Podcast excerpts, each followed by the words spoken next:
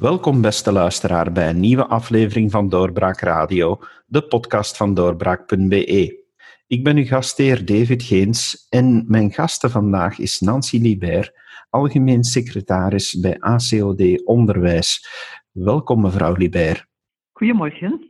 Mevrouw Libert, in het onderwijs gaat er natuurlijk nu heel veel gebeuren en eh, het onderwijs staat uiteraard ook onder enorme druk omwille van de coronacrisis. En daarom dat ik u even contacteerde om uh, met u daarover te praten en te horen uh, hoe het gevoel is bij jullie leden. En ja, hoe ervaren jullie dat nu momenteel? Hoe groot is de druk bij het onderwijzend personeel in deze periode? Um, ja, natuurlijk, zoals uh, bij de meeste mensen uh, in onze maatschappij, denk ik, zit de schrik er vooral goed in. Um, en niet alleen voor hun eigen uh, gezondheid natuurlijk, maar ook voor de gezondheid van de kinderen, ook de gezondheid van de ouders en zo. Um, ja, dus daar zit de schrik toch wel goed in, maar ze ondervinden natuurlijk ook een uh, grote druk. En dat is dan eigenlijk toch wel op uh, verschillende vlakken, zal ik maar zeggen. Uh, niet zo alleen uh, de gezondheid, maar ze zitten uiteraard ook in met de ontwikkeling van de kinderen, zal ik maar zeggen. Dus welke invloed heeft dat nu op de leerprestaties van de leerlingen?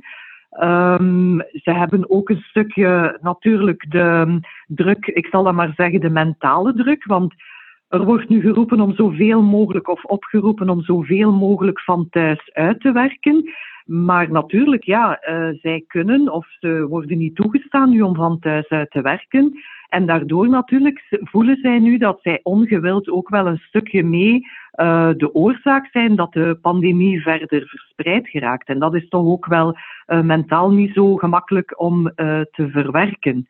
Uh, langs de andere kant hebben zij natuurlijk ook een druk door uh, de leerlingen die met heel veel vragen zitten.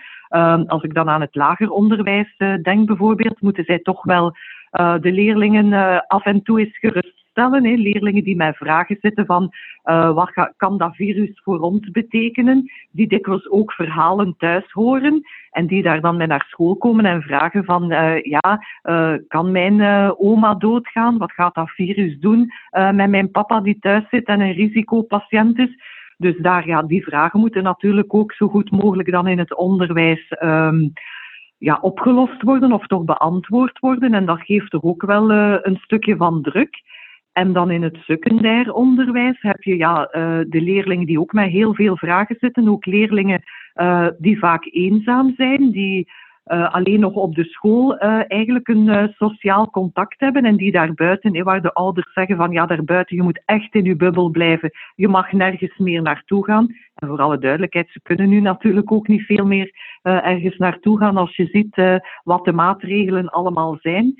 Maar natuurlijk zijn dat allemaal problemen die er ook bovenop komen in het onderwijs en waar leerkrachten toch ook wel een stukje een uh, oplossing uh, willen aanbieden.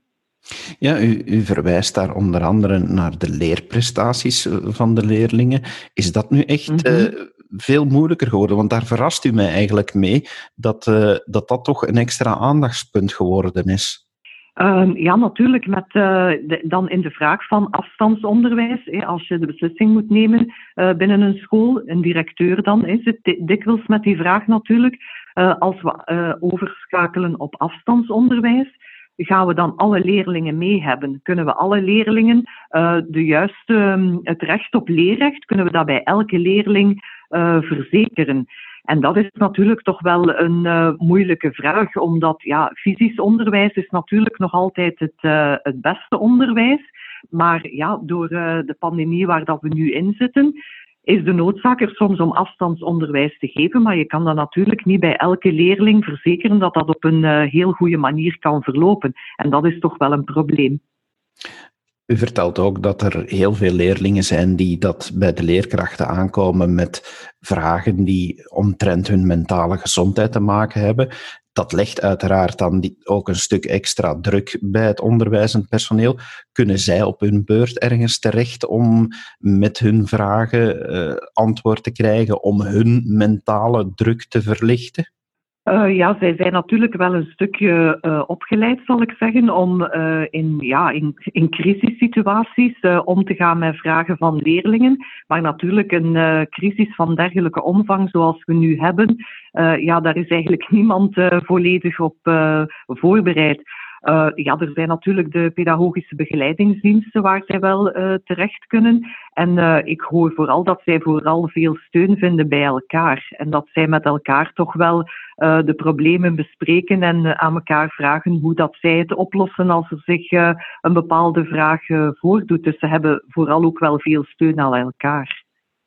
Hoe groot is eigenlijk de schrik bij de onderwijzers en de leerkrachten om zelf ziek te worden? Want ja, zij worden toch verplicht om te blijven werken, om in klassen te staan, uh, wisselende klassen, ook in het secundair onderwijs. Is er dan veel schrik? Ja, zeker en vast. Er is zeker en vast veel schrik uh, om uh, zelf besmet te geraken. Uh, natuurlijk, de scholen doen hun best uh, voor de veiligheidsvoorschriften zo goed mogelijk uh, toe te passen. En als we horen natuurlijk, zit bij, blijkbaar de besmettingen niet zo in de scholen. Maar laat mij zeggen, eigenlijk voor de leerkrachten is dat niet zo belangrijk waar leerlingen die besmettingen hebben opgedaan. De leerlingen komen naar school en ze hebben een besmetting. En waar dat ze die dan opgedaan hebben, ja, dat is eigenlijk voor een leerkracht niet zo belangrijk. Het is vooral, uh, ze zitten met de schrik van, ja, hoe gaan wij het overdragen? En ja, het is nu eenmaal zo dat uh, leerlingen en jongeren gelukkig maar, zou ik zeggen, uh, heel weinig symptomen vertonen. Maar dat betekent natuurlijk ook dat waarschijnlijk die besmettingscijfers die in het onderwijs altijd worden gegeven, dat dat maar het topje van de ijsberg is. Want niemand gaat natuurlijk naar een dokter als hij geen symptomen heeft. Dat lijkt mij logisch. Maar door het feit dat leerlingen zo weinig symptomen vertonen, en ik zeg nogmaals, nogmaals gelukkig maar, uh, betekent dat natuurlijk ook dat er waarschijnlijk wel heel wat leerlingen rondlopen die eigenlijk het virus wel hebben, die er zelf niet ziek van worden, maar die het op die manier wel overzetten. Als we dan nu de situatie analyseren, wat is dan jullie vraag als vakorganisatie? Zou er moeten uh, overgeschakeld worden op afstandsleren? Ja, wij hebben uh, denk ik in uh, eind juni hebben wij draaiboeken voorgelegd. Wij hebben die draaiboeken eind augustus, begin september terug aangepast. En ehm, het voordeel van die draaiboeken was dat ehm, de leerkrachten daar een houvast aan hadden. Want voor alle duidelijkheid, heel veel leerkrachten zijn op 1 september begonnen met de schrik van wat gaat dit schooljaar geven. In de eerste plaats, hoe gaan wij uh, de leerlingen die vorig jaar toch een, tijdje in quarantaine gezeten hebben of in lockdown gezeten hebben, um, hoe gaan wij die terug voor onze neus krijgen, zal ik maar zeggen? Welke problemen gaan zich daar voordoen? En langs de andere kant, ja, ik denk dat iedereen er wel van overtuigd was dat uh, corona niet weg was. Maar die draaiboeken gaven een vorm van houvast van kijk, als de pandemie naar dat niveau gaat, dan weten wij dat dat zal gebeuren in de scholen. En dat is natuurlijk heel jammer. In de draaiboeken stond er vanaf code oranje uh, dat het uh, tweede en derde graad van het secundair onderwijs zou overstappen naar deeltijds afstandonderwijs en deeltijds fysiek onderwijs. Ja, natuurlijk, als je eerst en vooral heel lang aarzelt om over te stappen van de code geel naar de code oranje, terwijl iedereen al heel goed wist dat we eigenlijk in het onderwijs al minimum in de code oranje moesten zitten, als men dan op het moment dat men dat doet, voor alle duidelijkheid, volgens ons veel te laat, als men dat doet en dan de regels gaat aanpassen, ja, dat geeft natuurlijk geen vertrouwen. Als je een spel speelt, dan, speel je, ja, dan uh, spreek je eigenlijk de spelregels af voordat je begint. En op het moment dat je aan het spelen bent, zal ik maar zeggen, dan verander je de, de spelregels niet. En dat is hier natuurlijk wel gebeurd. En dat geeft natuurlijk geen vertrouwen aan de leerkrachten. En dat, dat wakkert natuurlijk wel de schrik aan van oei, we hadden een houvast. Maar nu dat we zover zijn, wordt er teruggekomen op de genomen afspraken. En dat is natuurlijk niet fijn om vast te stellen. Maakt dat het overleg met minister Wijts zo eh, extra moeilijk om, uh, om dan te beseffen van ja, we zitten hier met een minister die dat uh, om de haverklap de regels wijzigt? Ja, we hebben vooral uh, om de veertien dagen hebben we ongeveer een overleg met de minister. En ik kan zeggen, uh, hij luistert wel naar wat wij uh, te vertellen hebben. En natuurlijk, ja, de beslissing die genomen moet worden, ja, dat is zijn beslissing. hij heeft daarvoor ook de politieke verantwoordelijkheid gehad. Allee, of hij heeft daarvoor de politieke verantwoordelijkheid. Uh, hij heeft daar ook een mandaat van de kiezers voor gehad, zou ik zeggen. Dus ja, die verantwoordelijkheid ligt bij hem. Maar uh, ja, natuurlijk op het moment dat hij uh, de spelregels veranderde, ja, was dat voor ons natuurlijk wel uh, geen aangenaam moment, zal ik maar zeggen. En dat hebben we ook heel duidelijk laten uh, blijken dat we daar niet mee akkoord waren. Vindt uw vakorganisatie dat de scholen nog moeten open blijven? Is daar begrip voor, voor de beslissing van de minister om zo lang mogelijk daarnaar te streven? Mm uh, voor alle duidelijkheid, iedereen in onderwijs wil inderdaad dat de scholen zo lang mogelijk open blijven. En zo lang mogelijk fysiek onderwijs. Dat wil iedereen in onderwijs. Ook wij willen dat.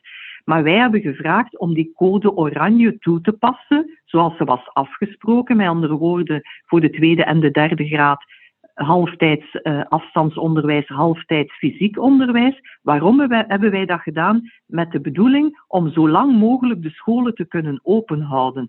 Want wat zien we nu? Door het feit daar niet, uh, dat we daar niet toe overgegaan zijn, zien we nu natuurlijk dat er heel veel scholen moeten sluiten. Omdat er gewoon geen personeel voldoende is om nog op een veilige manier uh, onderwijs te kunnen verstrekken. En dan vraag ik mij af, zijn we nu beter af? Is nu het leerrecht van de leerlingen meer gegarandeerd? Dan hadden we op tijd overgestapt naar hetgene wat we hadden afgesproken. Ik kan dat natuurlijk niet voorspellen of dat het dan beter zou geweest zijn. Hè. Dat, is, uh, dat is mijn bevoegdheid niet natuurlijk, maar we hebben wel het gevoel, had men vroeger geschakeld en had men dat gedaan volgens de afspraken die er genomen waren, dat het misschien toch niet zo chaotisch zou zijn als dat het de dag van vandaag verloopt. Want we horen toch, ik heb vanmorgen nog bijvoorbeeld een telefoontje gehad van een directeur die zegt, ja, maar wat moet ik doen? Ik heb vanmorgen vijf leerkrachten die ofwel ziek ofwel in quarantaine zitten. Dus die honderd leerlingen, ja, die staan hier. Wat moet ik daarmee doen? Ik moet die in de studie steken ja, voor, met alle respect, maar 100 leerlingen in een studie steken. Die leerlingen krijgen geen les. En die leerkracht die daar vooraan voor die 100 moet staan, die zal uh, proberen om er een beetje de orde in te houden en te proberen om uh, die leerlingen, als ze vragen hebben, om daar een beetje op te antwoorden. Maar voor de rest ja, zal daar ook uh, met die leerlingen op dat moment niet veel gebeuren.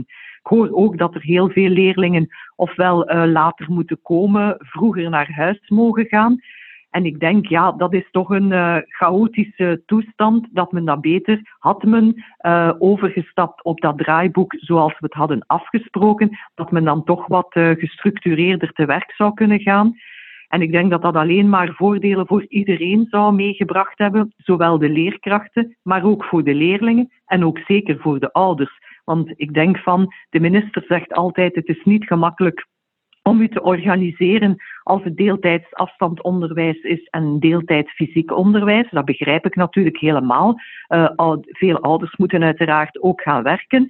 Maar langs de andere kant, als van de ene dag op de andere dag uh, de school dichtgaat, ja, dan denk ik dat je als ouder ook moet organiseren. En als dat dan zo plots komt, dat dat soms nog moeilijker is als dat je structureel bepaalde, ja, uh, ja, hoe zal ik maar zeggen, maatregelen kunt treffen.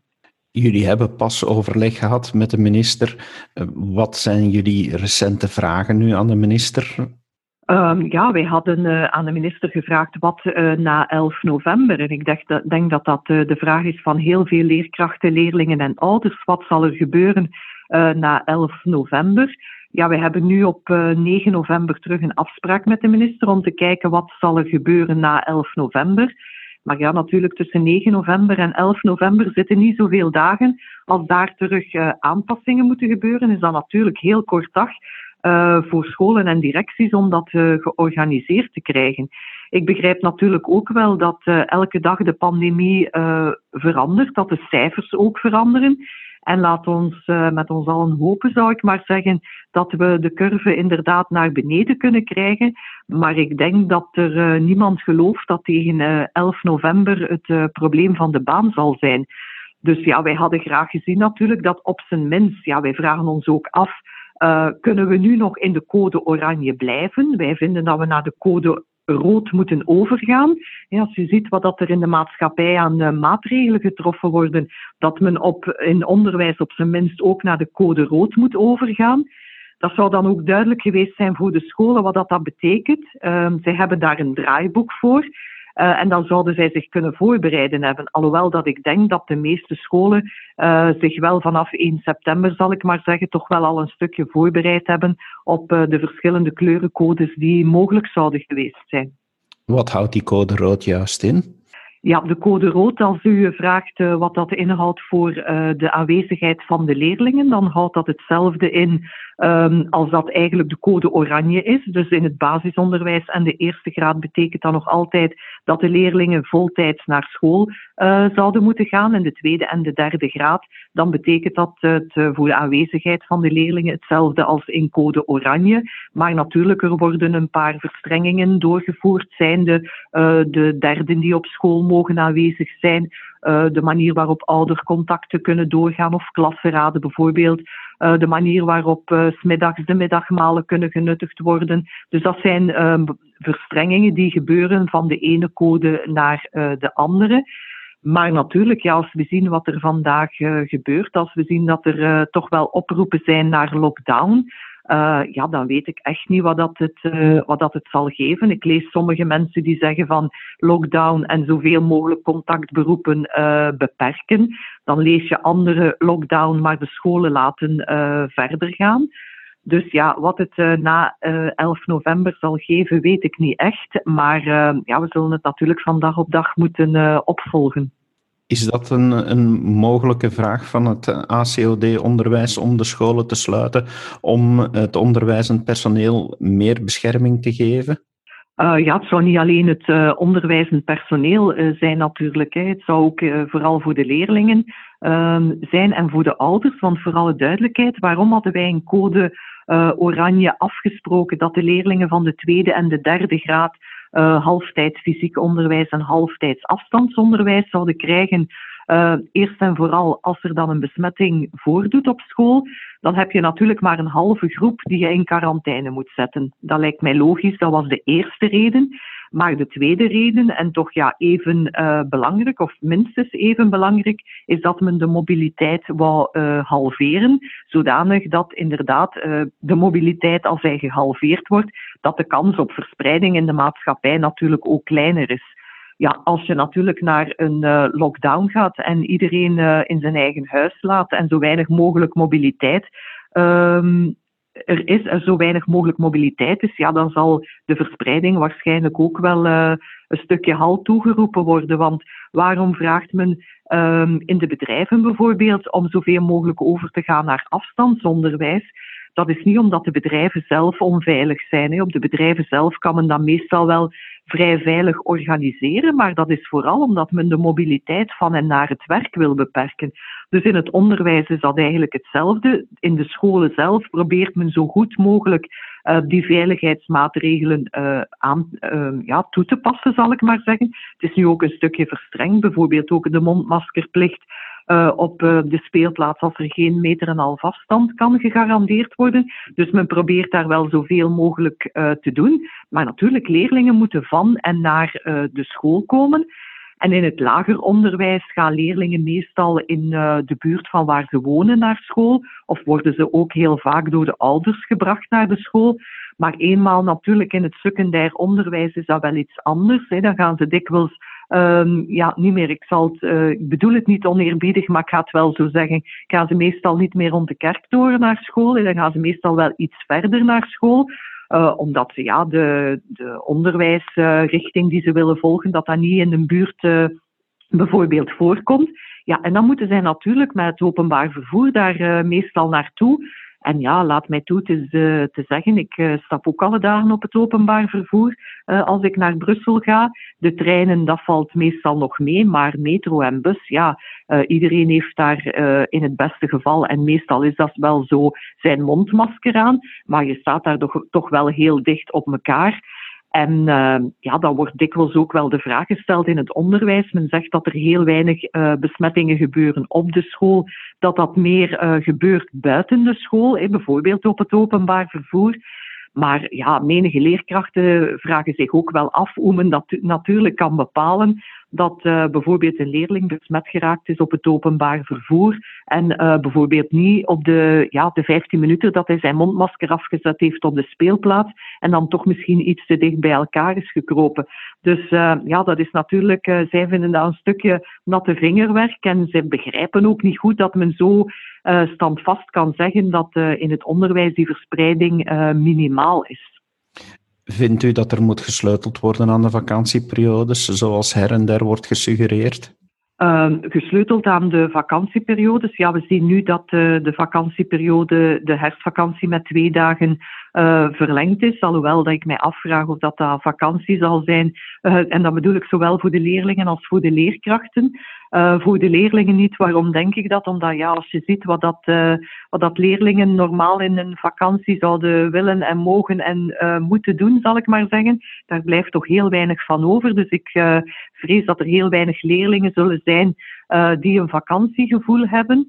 Ik denk dat dat ook voor de ouders zo zal zijn, dat zij heel weinig vakantiegevoel zullen hebben.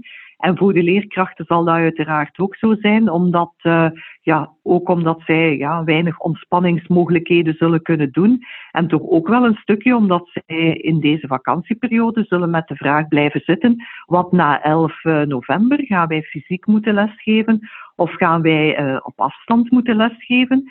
En uh, ja, ik begrijp dat dat voor mensen die niet in het onderwijs uh, staan of gestaan hebben, niet altijd duidelijk is. Maar uh, ja, er is wel een groot verschil in voorbereiding naar fysiek lesgeven of op afstand, via afstandsonderwijs lesgeven. Dus ja, zij zullen ook een stukje daar met die vragen zitten van ja, hoe moeten wij na, wat zal het na 11 november zijn, zal ik maar zeggen. En ja, is die twee dagen, zal dat voldoende zijn? Zal dat niet voldoende zijn? Ja, dat weet ik uiteraard niet. Maar uh, ik denk dan, ja, uh, baat het niet. Het zal waarschijnlijk ook niet schaden als ik de virologen hoor dat elke dag uh, dat we onze contacten beperken, dat dat een dag gewonnen is en een dag verloren voor het virus, zal ik maar zeggen. Ja, dan denk ik dat die twee dagen natuurlijk misschien wel een beetje soelaas zullen brengen, maar of dat dat voldoende zal zijn, ja, dat, dat weet ik natuurlijk niet zijn die twee dagen voldoende om het personeel zelf uh, wat, wat extra ademruimte te geven? Of is dat wat u net zegt van, ja jongens, dit, gaat, dit gaat het verschil niet maken? Ja, dat gaat het grote verschil uiteraard niet maken. Dat denk ik niet. Hè. Dus uh, twee dagen meer of minder um, dat je ja, vakantie, hè. zoals ik er juist gezegd heb, als je het vakantiegevoel al kunt oproepen, uh, denk niet dat dat uh, veel soelaas zal brengen naar het welbevinden van de leerkrachten, zal ik maar zeggen zal het nog uh, enigszins terug een, uh, een, generatie worden die uh, normaal te bestempelen valt? Of zeggen jullie vanuit jullie ervaring ja, dat deze generatie de gevolgen van die ja, eerste lockdown in maart en wat er nu allemaal gebeurt en misschien nog staat te gebeuren, dat, daar, dat dat toch gevolgen gaat hebben op de capaciteiten van, van de jonge mensen die nu op school zitten? Um, ja, ik weet dat het uh, personeel in onderwijs er alles zal aan doen om die uh, nadelige gevolgen die er zouden zijn, om die weg te werken. Sowieso.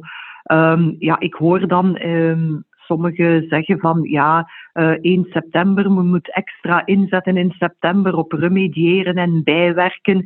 En uh, ja, ik heb zelf twintig jaar lesgegeven. Dus elke leerkracht die zichzelf respecteert, zal ik maar zeggen, wat doet hij de eerste week van september? Die kijkt waar zijn leerlingen staan. Want leerlingen komen dikwijls uit een andere school of uh, uit een andere ja, onderwijsniveau of uit een andere, ja, een andere afdeling, zal ik maar zeggen. En dan kijk je de eerste september, waar staan de leerlingen die voor mij zitten? En de leerlingen, dat bestaat niet. Het zijn natuurlijk allemaal individuen. En dan probeer je in de mate van het mogelijke bij al die verschillende uh, leerlingen, zal ik maar zeggen, een traject te voorzien dat ze zo vlug mogelijk uh, op, op hetzelfde niveau zitten, zal ik maar zeggen. Dus dat wordt elk schooljaar zo gedaan, of het nu corona is of geen corona.